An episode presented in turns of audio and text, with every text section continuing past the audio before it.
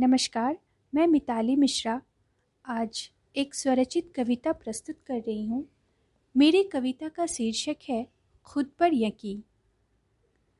एक बार एक बार खुद पर यकीन करके तो देख, तुझे तेरी मंजिल करीब नज़र आएगी।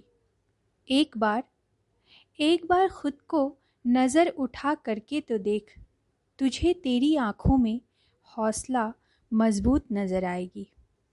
यूँ ही मंजिल को अपने से दूर जाने न दे। यूँ ही मंजिल को अपने से दूर जाने न दे। यूँ ही हार मानकर अपने मन को कमज़ोर न कर। तेरे हौसले में ही तेरी जीत है। तेरे हौसले में ही तेरी जीत है।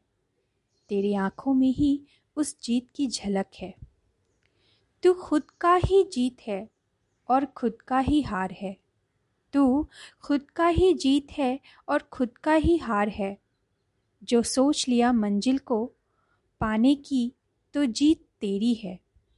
जो सोच लिया मंजिल को, खोने की तो हार तेरी है। फैसला तो तेरा है, पर ये वक्त तेरा नहीं है। तो मन को बुलंद कर तो मन को बुलंद कर, सोच को मज़बूत कर।